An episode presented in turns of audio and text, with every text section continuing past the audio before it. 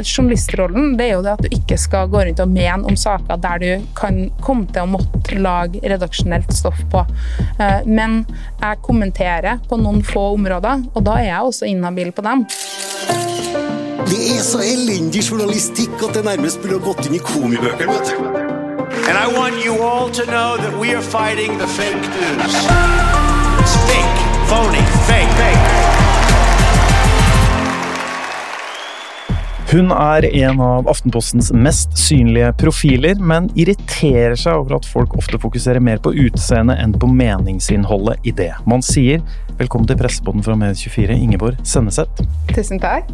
Mitt navn det er Jan Magnus Weiber Ørdal, og vi skal også snakke med Ingeborg mer om hvordan hun sjonglerer hverdagen sin med alle forpliktelsene og engasjementet, og ikke minst om journalister kan demonstrere.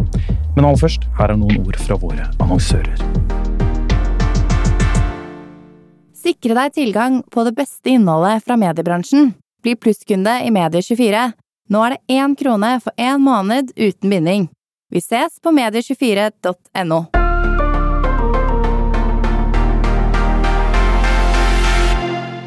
Ingeborg Senneset, du er Aftenposten-journalist.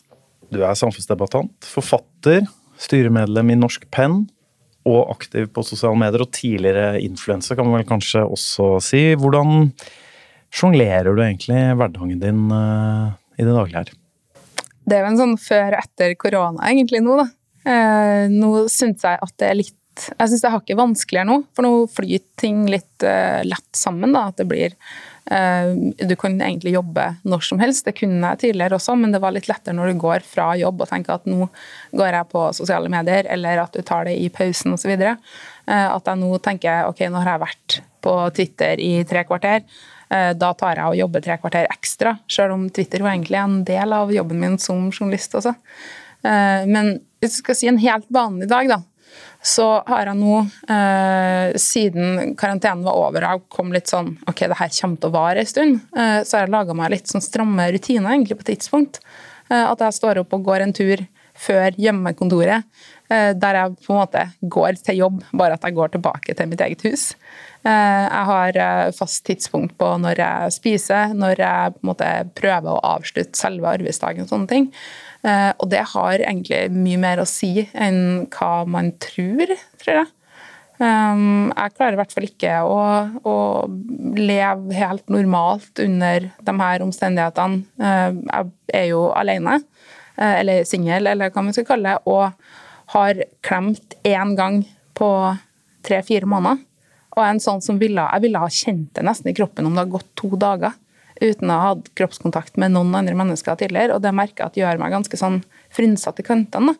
Eh, Og kanskje blir eh, enda mer kontaktsøkende i sosiale medier. Så kanskje har jeg blitt enda mer klegg på meninga enn tidligere. Jeg er ikke helt sikker. Men eh, det Ja. Jeg skulle si hvordan en helt vanlig dag var, så kom jeg bare til turen før jobb. Okay? ja, Og så jobber jeg gjennom eh, dags, eh, dagsaktuelle ting, ser hva det er som eh, skal på våre sider dagen etter. Eh, jobber jo mye med redigering av innlegg i debattredaksjonen. Eh, der er vi en redaksjon som er veldig opptatt av faktasjekk. Eh, at folk skal kunne mene hva som helst, men du skal ikke kunne ha dine egne fakta. Eh, Det har jo blitt en stor diskusjon etter at et innlegg i New York Times fikk eh, debattredaktøren til å gå av. Det ble jo sånn OK, kunne det her ha skjedd i Norge? Men der tenker vi at det er utrolig stor forskjell fortsatt på Norge og USA. Og vi må bare holde den fanen veldig høyt, at du skal ha et stort rom for hva du kan mene, bare ikke hvilke fakta du har. da. Og så vil det jo være en diskusjon om hva det er som egentlig er fakta. Eh, og så er det noen uker der jeg har ansvar for sosiale medier i debatt også. Eh, ellers så har jeg jo bare ansvar for mine egne. Eh, og så følger jeg med på hva som skjer, eh, og prøver å bruke litt andre kilder enn kanskje NTB. Eh, selv om jeg elsker NTB, men så eh, oppsøker litt eh, eh, Oppsøker mye både i influensemiljøene, som er eh, en maktbastion, eh, som er litt, ja, i mine øyne veldig underdekka eh, i norsk presse. Og forskningsmiljøene, da. Eh, og det har gjort at jeg har gode kontakter inn mot folk som jobber tett på nå da eh, pandemier. Eh, pandemier var jo noe jeg hadde vært opptatt av i lengre tid sjøl før korona kom. Jeg skrev en kommentar i Aftenposten i september i 2019 om at verdens ledere ikke er forberedt på en pandemi. og det er noen som da er sånn herregud, har du spådd at korona skal komme? Så jeg, det eneste jeg har gjort, er å lese på nettsidene til Verdens helseorganisasjon og oppsøkt gode kilder. Eh, jeg har ikke spådd noe som helst, jeg er ikke noe mm, spesiell i det hele tatt. Jeg har bare eh, jobba ganske eh, journalistisk med akkurat det feltet. Og det var åpent og tilgjengelig informasjon for alle. Og sånne forskere som Svein Erik Mamelund, f.eks., som nå er jo en rock rockestjerne eh, i norsk offentlighet fordi han har jobba med det her i 25 år. Han var også den som var min fagkontakt da jeg hadde en TED-talk i London i fjor om nettopp virus og pandemier. Sånn at eh, Kildene har jo vært der hele tida, og informasjonen har vært der. Eh, men vi har kanskje ikke vært tett nok på. Da. Og Det er jo en sånn tankevekker for oss som journalister om at hva annet er det vi ikke er tett nok på. Eh, jeg tenker jo hele tida at det vi burde ha skrevet om nesten annenhver dag, er jo antibiotikaresistens, som for meg er en mye verre pandemi eh, enn korona. Og det sier sitt, for jeg tar korona på et himla høyt uh, alvor, altså. Men hva, hva, tenker du om uh, dekningen? Uh, nå er det jo gått to-tre måneder. Så nå har man litt perspektiv. Hvordan syns du norsk pressen har dekka det nå, da, totalt sett? Denne pandemien som, som er over oss? Eh, som vanlig da, så er det vanskelig å si som helhet hva norsk presse har gjort. Eh, også innad i enkeltredaksjoner har det jo vært eh, varierende. Det starta egentlig litt dårlig, med sånne skrekkoppslag og gule trekanter og varsel og rødt og capslock og det som verre er. Og det skrev jeg også om at det her, nå må folk være litt kjølige, for vi kan ikke kjøre i femte gir hele veien. For at det her kommer til å vare kjempelenge. Eh, og det er så utrolig nødvendig at vi eh, er nøkterne fra pressesida, fordi at det kommer til å komme så mye feilinformasjon, og det gjør det også. Eh, og vi vasser jo i konspirasjonsteorier. Vaksinemotstandere er godt i gang god tid før vaksinen i det hele tatt har kommet. Eh, og vi ser også at noen redaksjoner hopper på forskning som eh, ikke ennå har eh, vært gjennom de rutinene som forskning skal gå gjennom. Da. Preben Aavitsland, som både er i Folkehelseinstituttet og også blogger på epidemi.no, han har jo advart, en av flere som har advart mot at man hopper på forskning for tidlig. Da. Jeg tenkte å komme litt tilbake til dette med den eh, rollen du har eh, i norsk samfunnsliv og samfunnsdebatten, for du har jo en veldig tydelig og, og, og synlig stemme. Og blir invitert og brukt i en del andre debatt eller flater, f.eks. i NRK, TV 2 osv., foruten, foruten Aftenposten. Du opplever jo ofte at eh, når du skriver, så fyrer opp debatt. Eh, altså om det er nettroll, eller om det er eh, forhåpentligvis og sikkert også en del saklig, konstruktiv debatt. Men det er i hvert fall fyrer opp debatt, kontroversielle tema. Er det ok for en journalist? For jeg vet jo du er, du er opptatt av at du er, du er, journalist. Du vil bli titulert som. Du er jo ikke en Aftenposten-kommentator. Er det vanskelig og ok og, og på en måte greit for en journalist å fyre opp så mye? Eh, det spørs jo veldig. Så svaret er jo både ja og nei. Eh, det er ikke OK eh, for meg å gå ut og mene hardt om EU. For det har vi jevnlige debatter om, og jeg er ikke kommentator på EU. Og jeg skal en, ha en objektiv rolle men jeg kan selvfølgelig legge ut en sak om EU og si at det her syns jeg var godt skrevet, det her jeg folk skal lese. Eh, så man behøver ikke å være taus fordi om man ikke skal ha en personlig mening eller en politisk mening. Eh, og det frustrerer meg nok at veldig mange velger det at de er, eller kanskje tenker at de er usikre på om kan jeg si noen ting eller ikke, og da sier de absolutt ingenting, istedenfor kanskje å ha den samtalen med leder. Hva, hva tenker du om hvis jeg legger ut det her, virker det som jeg har tatt stilling? Eh, og jeg er også relativt nøye på å se har jeg en overvekt, f.eks. hvis jeg fortsetter på EU, som jeg da Jeg legger ikke ut noe om EU engang, for jeg har ikke peiling. Men hvis, jeg ja, men sånn, hvis jeg har lagt ut noe EU-positivt, så er det viktig for meg også å legge ut noe EU-negativt. Sånn at jeg på en måte balanserer det til en viss grad. Eh, men det er kanskje litt nyttig å si hvilken rolle jeg har. for at Journalistrollen det er jo det at du ikke skal gå rundt og mene om saker der du kan komme til å måtte lage redaksjonelt stoff på. Eh, men jeg kommenterer på noen få områder, og da er jeg også inhabil på dem.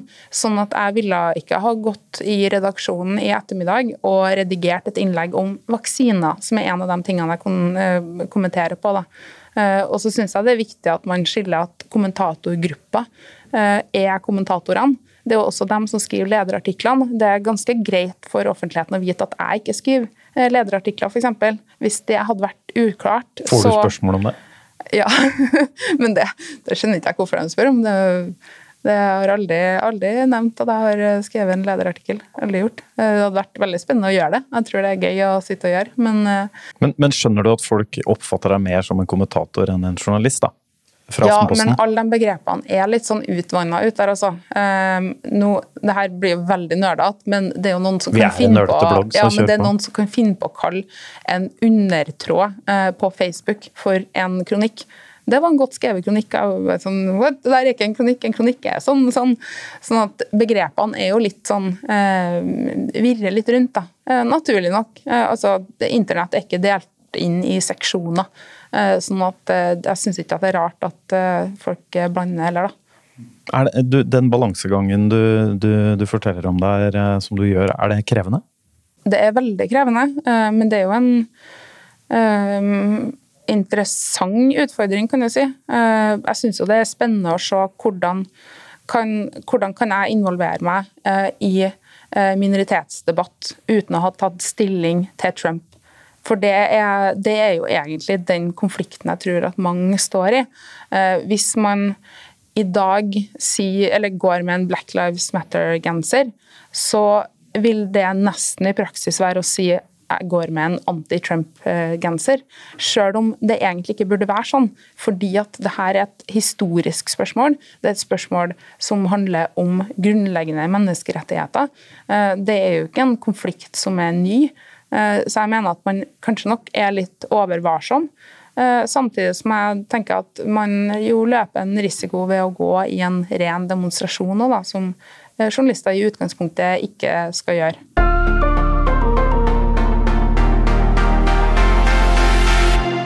Sikre deg tilgang på det beste innholdet fra mediebransjen. Bli plusskunde i Medie24. Nå er det én krone for én måned uten binding. Vi ses på medie24.no.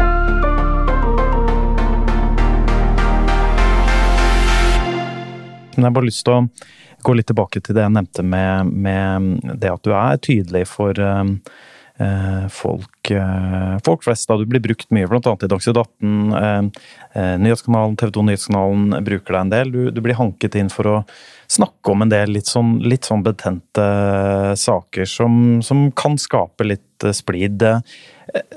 Vi snakka også med deg i fjor. Eh, Det var en langt mer ufarlig sak i utgangspunktet. Det var eh, litt sånn sommersak om shorts. Er ok Ja. eller ikke for journalister? Eh, Hvor casene var for og imot i din egen, hos din egen arbeidsgiver. Jeg skjønner det er steile fronter der hver sommer. eh, I Aftenposten, altså. Eh, eh, Da snakka vi litt med deg eh, der, og da nevnte du som et eksempel For du er pro-shorts, bare så det er sagt. Du mener det må være greit innenfor anstendighet osv., selvfølgelig, men at det ikke er noe problematisk for en journalist å gå med shorts. Og da nevnte du en opplevelse du hadde med Dagsnytt 18, hvor du sjøl fikk kjenne litt på det derre fokusen på det man har på seg, og ikke det man sier eller gjør. Kan du fortelle litt om den, bare kort fortelle om den opplevelsen? Eh, det her eh, Jeg tror det var en Dagsnytt 18-runde for kanskje fem år siden. Det er ganske lenge siden. Eh, mens jeg ennå var der at jeg, jeg prøvde å tilpasse meg veldig. Det at man skal se nøytral ut. Jeg skifta før Dagsnytt 18 og prøvde å ta på meg med nøytrale ting. Bare ha hestehale, selv om jeg nesten alltid går i caps eller, eller morsomme T-skjorter, skulle du si. Og jeg gikk også de to første årene i Aftenposten så gikk jeg nesten bare i grått og blått og høyhæla sko for å liksom prøve å se ut som det bildet av en journalist jeg tenkte var veldig viktig. Da. Eh, og så ble jeg spurt av Dagsnytt 18 om jeg kunne komme på en sending, og så sa jeg at eh, det kan jeg, men da må jeg komme direkte fra trening, så det må gå litt sånn eh, i huet hast. da. Eh, og de bare ja, ja, men det går bra, det er jo radio, liksom. Jeg bare ja, men ok. Og møte opp eh, i caps, fordi at jeg hadde jo ikke tida til å begynne å føne hår og styre og skulle se ordentlig ut. Og jeg tenkte at det er mye viktigere hva jeg sier, enn hvordan jeg ser ut. Og det er radio, for God's sake. Eh, og diskusjonen på Twitter bare eksploderte om den forbanna capsen. Det var ingen som snakka sak, og jeg ble så irritert. Og min egentlige reaksjonen er på når folk prøver å snakke om det saken ikke handler om, så prøver jeg ikke å hoppe på det toget. Jeg prøver bare å la det gå. De får drive med sitt, og så insisterer jeg å snakke om selve saken. Men da ble jeg så irritert at jeg skrev et innlegg på Facebook på 6000 tegn. og sånn, Der jeg bare slakta hele den reaksjonen med bare sånn Jeg kan jo egentlig gå i caps eller ikke. Hvilken oppførsel er det? Og så videre. Uh, og etter det så tenkte jeg vet hva, fuck it, nå skal jeg gå med caps hver gang. Uh, så det ble jo nesten en protest i å Da skal jeg bare være meg sjøl, da. Uh, og det samme på jobb så opplevde jeg jo det at når jeg begynte å gå med mine egne klær, så var det jo ingen, det var ingen som reagerte. Det var ingen som brydde seg. Så jeg tror nok at det var, det var, nok, det var mye i mitt hode når det gjaldt mine egne kollegaer, men i offentligheten, sånn i sosiale medier, så er det veldig mange som har lyst til å fokusere veldig på utseendet. Eh, og det tenker jeg nok er en avsporing de gjør, fordi at det ikke er så veldig eh, Kanskje syns de det er vanskelig å svare på det faktisk saken handler om.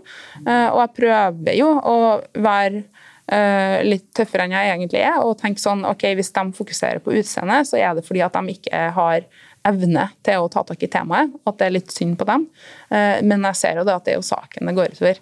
Eh, og at jeg også sjøl blir veldig demotivert. Da, for du, blir ikke, du, blir ikke, du, får ikke superlyst til å bruke 20 timer på 15 forskningsrapporter og komme og svare og ha meninger om ting, når folk etterpå spør eh, hvorfor BH-en din vises eh, i åpningen på T-skjorta. Det er sånn ah. Men du må bare bruke det uttrykket, eller bare eh, bruke det uttrykket at når, eh, når geniet peker på stjernene, Eh, så stirrer idioten på fingeren. Det er et nydelig uttrykk, og man trenger ikke å være geni for å, for å bruke det uttrykket. Men poenget er at folk går etter uh, ubetydelige detaljer når de ikke vil snakke om saken. Uh, og det er en hersketeknikk, uh, og det er en stygg hersketeknikk, for den funker, for du blir utmatta av det. For du har i tillegg til dem som har mer uskyldige sånn caps eller ikke caps, så er det Du skal på en måte noen gang spade deg gjennom eh, en ganske stor mengde eh, uviktige kommentarer for å kunne svare på dem som faktisk betyr noe. Eh, og jeg prøver det så godt det lar seg gjøre å svare folk på spørsmål eller svare på kritikk. For konstruktiv kritikk det tror jeg på, og jeg tror at det gjør meg bedre. Og jeg tror at hvis jeg ikke får det, så har jeg i hvert fall tapt. For det er jo sånn man kommer seg framover og får nye perspektiver. Men det er jo vanskelig å, å finne dem. Eh, når jeg må på en måte spade gjennom så veldig mye annet. Da. Så det, det, er nok den største frustrasjonen, at det skaper utrolig mye støy og usikkerhet. Men du, men du gjør det litt som du nevnte her, at det gikk en litt sånn faen i deg nå. Da skal jeg gå med caps hver gang på ja, den Men gjør, det, ja. gjør, du det litt fortsatt? Sånn, for jeg tenker, hvis du blir eller bare tenker du ikke så over det? Hvis du blir bedt ned på TV 2 Nyhetskanalen, så er det ikke sånn å nei, nå må jeg dekke til tatoveringen og ikke ha på meg caps. Da Eh, da må jeg si som eh, man sier på Paradise Hotel, at jeg er 100 meg sjøl. Ja, nettopp. Ja. jeg tenker at Da møter jeg opp i, i, på en måte eh, det jeg liker, men jeg tenker godt over, over det likevel. Men det gjør jo alle. Man kler seg jo etter en anledning. Ærlig kommer ikke i et bryllup i kjeledress. Det hadde vært litt kult, egentlig. Men sånn, Jeg kler meg jo etter anledninga, men samtidig at jeg ivaretar den jeg sjøl er. Men jeg har en del andre klestriks som faktisk er relevant for debatt, som er litt sånn usynlig. Eh, og det er f.eks. at jeg passer på at jeg ikke har på meg ubehagelige ting. Eh, det er, det er, ikke kult å sitte i en paneldebatt i en og en halv time i vonde sko eller stramme bukser og sånne ting. Og det er et tips til damer som syns det er slitsomt å sitte i debatt, for at det hjelper ikke hvis at man må også tenke over hvordan man sitter. Eh, så det er lurt å ha på seg ting som på en måte gir plass til meningene. Da. Og da er det gjerne ting som er litt løst, eller ting du har gått med tusen ganger før, som du er trygg på. Uh, og jeg tenker i hvert fall ikke at jeg må variere fra gang til gang. Uh, det er jo en sånn at damer absolutt ikke skal ha på seg det samme. Nyhetsanker og sånn, og bytte klær hele tida. Eh, det var en sånn, det er en veldig kul greie som ble gjort i Jeg tror det var to amerikanske nyhetsankere, en eh, dame og mann som pleide å sitte sammen. og hun fikk altså så mye hets hver dag, og det var så mye utseendefokus. Mens han kunne gå i nesten hva som helst. han, han hadde samme seg. dressen hver dag? Ja, han brukte den samme dressen i et år. Ingen som merka det. Og da tenkte jeg ok, kan jeg teste noe nesten tilsvarende? Eh, så eh, en sommer for eh, jeg tror det var to år siden, sånt, så bestemte jeg meg for at ok, nå skal jeg gå i det samme hver eneste offentlige opptreden.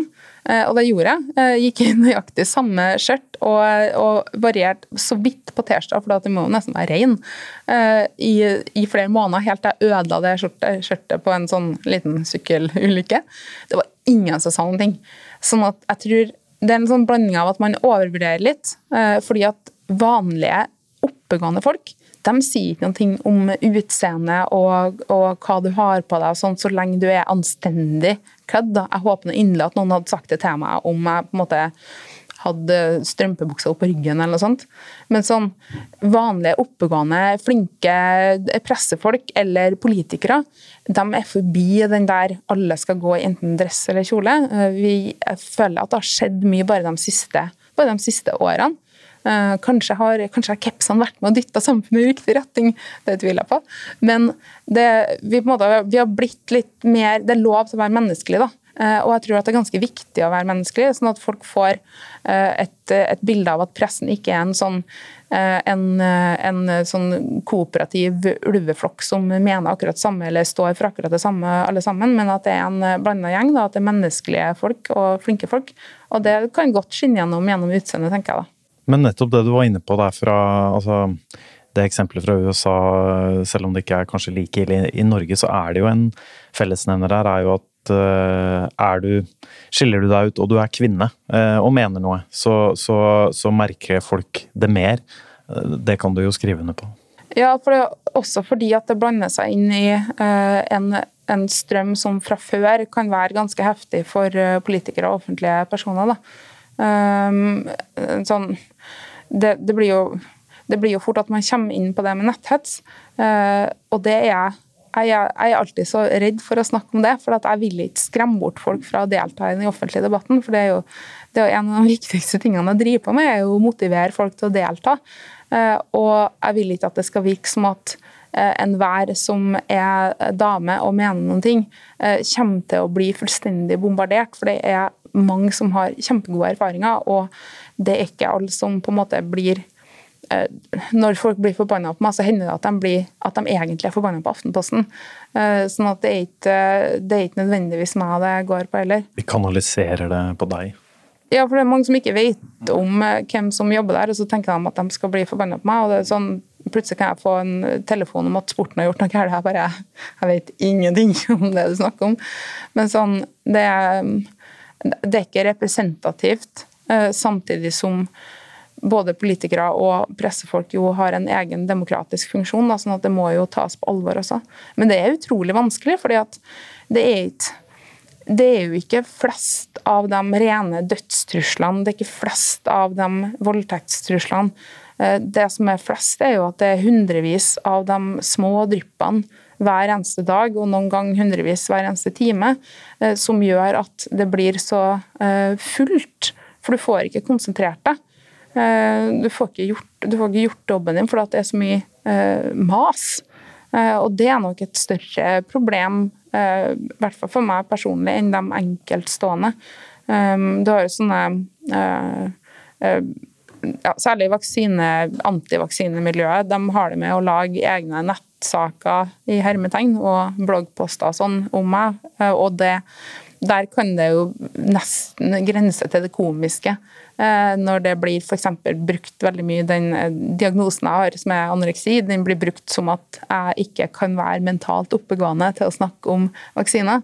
Eh, og da blir det jo mest litt komisk. Det var en som kalte meg for underholdende propagandist. Og det, det syns jeg var egentlig ganske fint. Nå er jeg propagandist i bioen min på Instagram. Jeg skal kanskje fjerne det. Men akkurat der og da så var jeg i god form mentalt sjøl, så jeg syntes det var litt morsomt. Eh, men problemet først og fremst med det er jo at andre kanskje ikke ville ha syntes det hadde vært like morsomt, og da blir redd for å mene. Eh, så de gangene der jeg snakker om eh, netthets eller sånne reaksjoner, eh, så prøver jeg alltid å gjøre det eh, med å vise fram hvordan jeg har håndtert det, ikke bare å vise fram hva det er som har skjedd. Eh, og samtidig så ser jeg at jeg har kanskje underspilt veldig hvordan ting er. Eh, og det kan jo også være en bjørnetjeneste overfor offentligheten. da. Eh, og jeg syns det, det var veldig riktig og veldig fint og veldig nøkternt og ryddig den måten Tina Bru eh, sto frem på Dagsrevyen for ikke så lenge siden. Og sa hvordan reaksjoner hun får på et tema som vindmøller eller vindkraft. Da. Og det sier også noen ting om at det trenger ikke å være et så betent tema som eh, vaksiner eller feminisme eller rasisme. Eh, det kan også være snakk om bompenger, som ordføreren i Klepp f.eks. opplevde. Eh, det er tema som jo berører folk og engasjerer folk, og så går det fullstendig utafor banen. Og det er jo et problem vi er nødt til å snakke om. Og jeg har ikke funnet ut hvordan det best snakkes om. Det har jeg ikke. Og jeg har liksom ikke en fasit på hvordan man bør håndtere det heller. For i min egen redaksjon så er jeg så utrolig redd for å, for å virke som at jeg klager. Og så er jeg redd for å på en måte Jeg er redd for at noen skal tenke at eh, da dropper vi Ingeborg sin kommentar fordi at da blir det så mye styr etterpå. Uh, for jeg mener jo at det jeg skriver om, er, er så viktig. Um, det er en sånn Eh, halvveis eh, bevart eh, hemmelighet at i møte med folk så er jeg fryktelig konfliktsky og veldig sjenert når det gjelder å møte folk ansikt til ansikt og, og, eller, og på nett. Da. Men jeg mener at sakene mine er viktigere enn at jeg sjøl syns det er ubehagelig. Så derfor så tar jeg dem gjerne opp sjøl. Sjøl om det på en måte jeg er livredd for at noen skal si nei, her tar du feil, og så bare nei, unnskyld, gjør jeg, og herregud der. Så det er en sånn personlig konflikt der, da. Jeg tenkte helt til slutt, eh, Ingeborg, eh, å, å snakke litt om eh, det jeg teaset tidligere i podkasten med dette Du skrev om engasjement og journalister, for det har jo vært et lite tema nå i i hvert fall i vår bransje. Det er bra at du holder tråden, altså. For det, der, er, der, vet jeg det er helt elendig. For jeg, jeg syns alt mulig er interessant, og så snakker jeg av gårde om noe, og så har jeg muligens ikke svart i det hele tatt på det du har stilt spørsmål om. Vi har, eh, vi har gode, vi vi, vi Vi kunne sikkert sittet og snakka lenge, men det er begrensa, tror jeg, hvor lenge folk orker å høre på. Selv på Presseboden. Eh, hvor enn fantastisk det er. Eh, vi, vi tar helt til slutt, Ingeborg, dette med fordi vi hadde en sak om eh, kan journalister altså det var det enkle spørsmålet, kan journalister demonstrere? Det var jo i kjølvannet av Black Lives Matter-demonstrasjonen, som fikk mye oppmerksomhet smittevernmessig også. Men også rett og slett kan journalister være med på en sånn sak som tilsynelatende for folk flest virker jo veldig sånn Alle er jo enig i det. De aller fleste mediene, med unntak av, eller egentlig alle mediene med unntak av Klassekampen, sa at det ikke er greit. Uh, og så skrev du også uh, Men de sa mer enn det. Det ja, var ikke bare det. Altså, no, selvfølgelig, det er jo nyanser ja, der, men liksom, Det var ikke bare det at man ikke skal ta opp et skilt og gå fremst i et protesttog mot en enkeltsak. For det, det sier jo seg sjøl at det skal ikke man gjøre. Og det sier seg sjøl, egentlig, for meg personlig, i hvert fall, at man ikke kan gå under en hvilken som helst fane. Men journalister har visse kampsaker som hvis du ikke står for det, så kan ikke jeg forstå at du kan være journalist heller. For du må f.eks. stå for likestilling. Uh, og da mener ikke jeg likestilling som at nøyaktig hvilken kvotering skal de ha i et visst parti, eller noe sånt. Men du må stå for at uavhengig av etnisitet og kjønn og seksualitet, så har du samme rett på ytringsfrihet. Hvis du ikke står for det, så hvordan kan du være journalist da? For da er du i hvert fall ikke objektiv når du velger kilder. Eh, og Da lager du i hvert fall ikke gode saker hvis du ikke tenker at en eneste person fra det somaliske miljøet kan mene noen ting. Ikke sant? Det er, sånn, det, det er helt umulig å være en god, faktaorientert, objektiv journalist hvis du ikke mener at alle eh, etnisiteter, seksualiteter og, eh, og, og alle kjønn skal kunne uttale seg, f.eks. Og det, det handler det her om for min del.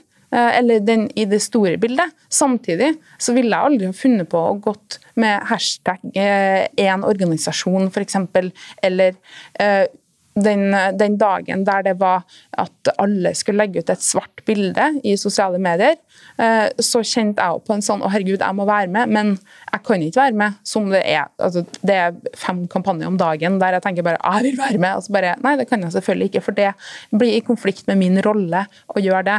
Eh, Dette skrev du jo også innlegg om da, ja, jeg skrev eh, innlegg hos oss. dere om det, og det jeg konkluderte med i den, den, den situasjonen der alle la ut en sånn svart bilde, var at ok, men da må jeg gjøre det på en journalistisk måte.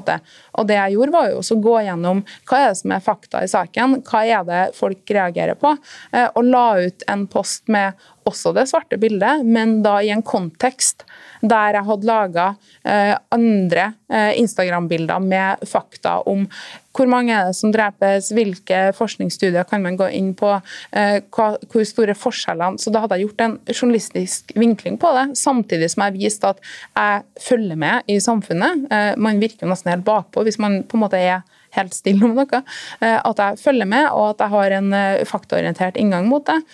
Og at jeg mener at alle skal kunne uttale seg, uten at jeg da er en direkte del av en bevegelse som er definert. Da. Fordi at man kan ikke helt skille det ut heller. Da. Og det er sånn, Nei, jeg har ikke funnet det perfekte, men jeg tror at det farligste veien vi kan gå, er jo at alle journalister slutter å på en måte vise utad at de er engasjerte folk. For de fleste går jo inn i journalistikken fordi at de bryr seg om samfunnet. Og så i journalistikken skal de da virke som at de overhodet ikke bryr seg. Det gir jo ingen mening. Men det, det innlegget eh, klikka godt, som det heter på vårt eh, fagspråk her. Vi, det var vel, jeg tror det var den mest leste saken Med24 hadde den, eh, den, sak, den dagen. Eh, helt til slutt, Ingeborg, for nå må vi, må vi ro podkasten i land. Men eh, hvordan har responsen eh, vært? Fordi som sagt, saken leste godt, men har du fått noen tilbakemeldinger sjøl fra andre journalister som er enig eller uenig med deg? Eh, andre journalister var kjempeenige i innboks, sa ingenting utad. Så det, det sier jo litt, da. Jeg tenker at det, jeg håper at det blir mer debatt om det, og jeg kjente jo veldig at det knøt seg ekstremt i magen. fordi at i praksis så er jo det innlegget å si jeg syns at Skipsted-gjengen og sjefene mine tar feil. Så jeg sendte jo til eh, politisk redaktør først og bare sånn he-he, kan jeg, kan jeg mene det her? Eh, eller da hadde jeg jo allerede sagt det på Facebook i den, i den kommentartråden, så det var jo på en måte ut der. Men det er noe helt annet når det settes på trykk eh, digitalt. Da. Eh, og sånn kan jeg, går det her bra, da? Sånn for ordens skyld. Og, og, han sier da bare at journalister skal kunne mene om ytringsfrihet og presse, pressens rolle. Jeg følte veldig at det var full støtte fra, fra politisk redaktør hos meg. Uh, min egen sjef, som da er debattredaktøren, han sa bare at så lenge politisk redaktør har sagt det er greit, så skal ikke jeg legge meg bort i det hele tatt. Jeg følte sjøl at jeg hadde veldig ryggdekning for å være uenig. og Kanskje bør det snakkes mer om, hvor at mest sannsynlig for offentligheten så virker pressen uh, mer troverdig når det, når det, er tydelig at det er interne uenigheter. Uh, så lenge man på en måte er enige om det store bildet da, og hva vi vil og hva vi skal være, så tror jeg det bare styrker pressen at man viser at også innad så er folk forskjellige. Helt ned til om man går i shorts eller bukse både den debatten, og eh, den tror jeg også vil komme opp, men også dette om journalister kan engasjere seg. Det er nok neppe det siste vi, vi snakker om det, Ingeborg. Det var det vi fikk plass til. Takk for at du stilte opp i pressepodden, eh, Ingeborg Senneset, og fortsatt god sommer. God sommer. Og takk til deg for at du lyttet til Pressboden fra Medier24. Redaksjonen den består av ansvarlig redaktør Erik Votland, Ingvild Fylling, Even Barka og meg, Jan Magnus Weiberg Aurdal. Teknisk ansvarlig det var Sebastian Manrikes. Vi er tilbake med en ny podkast neste uke. Vi høres igjen.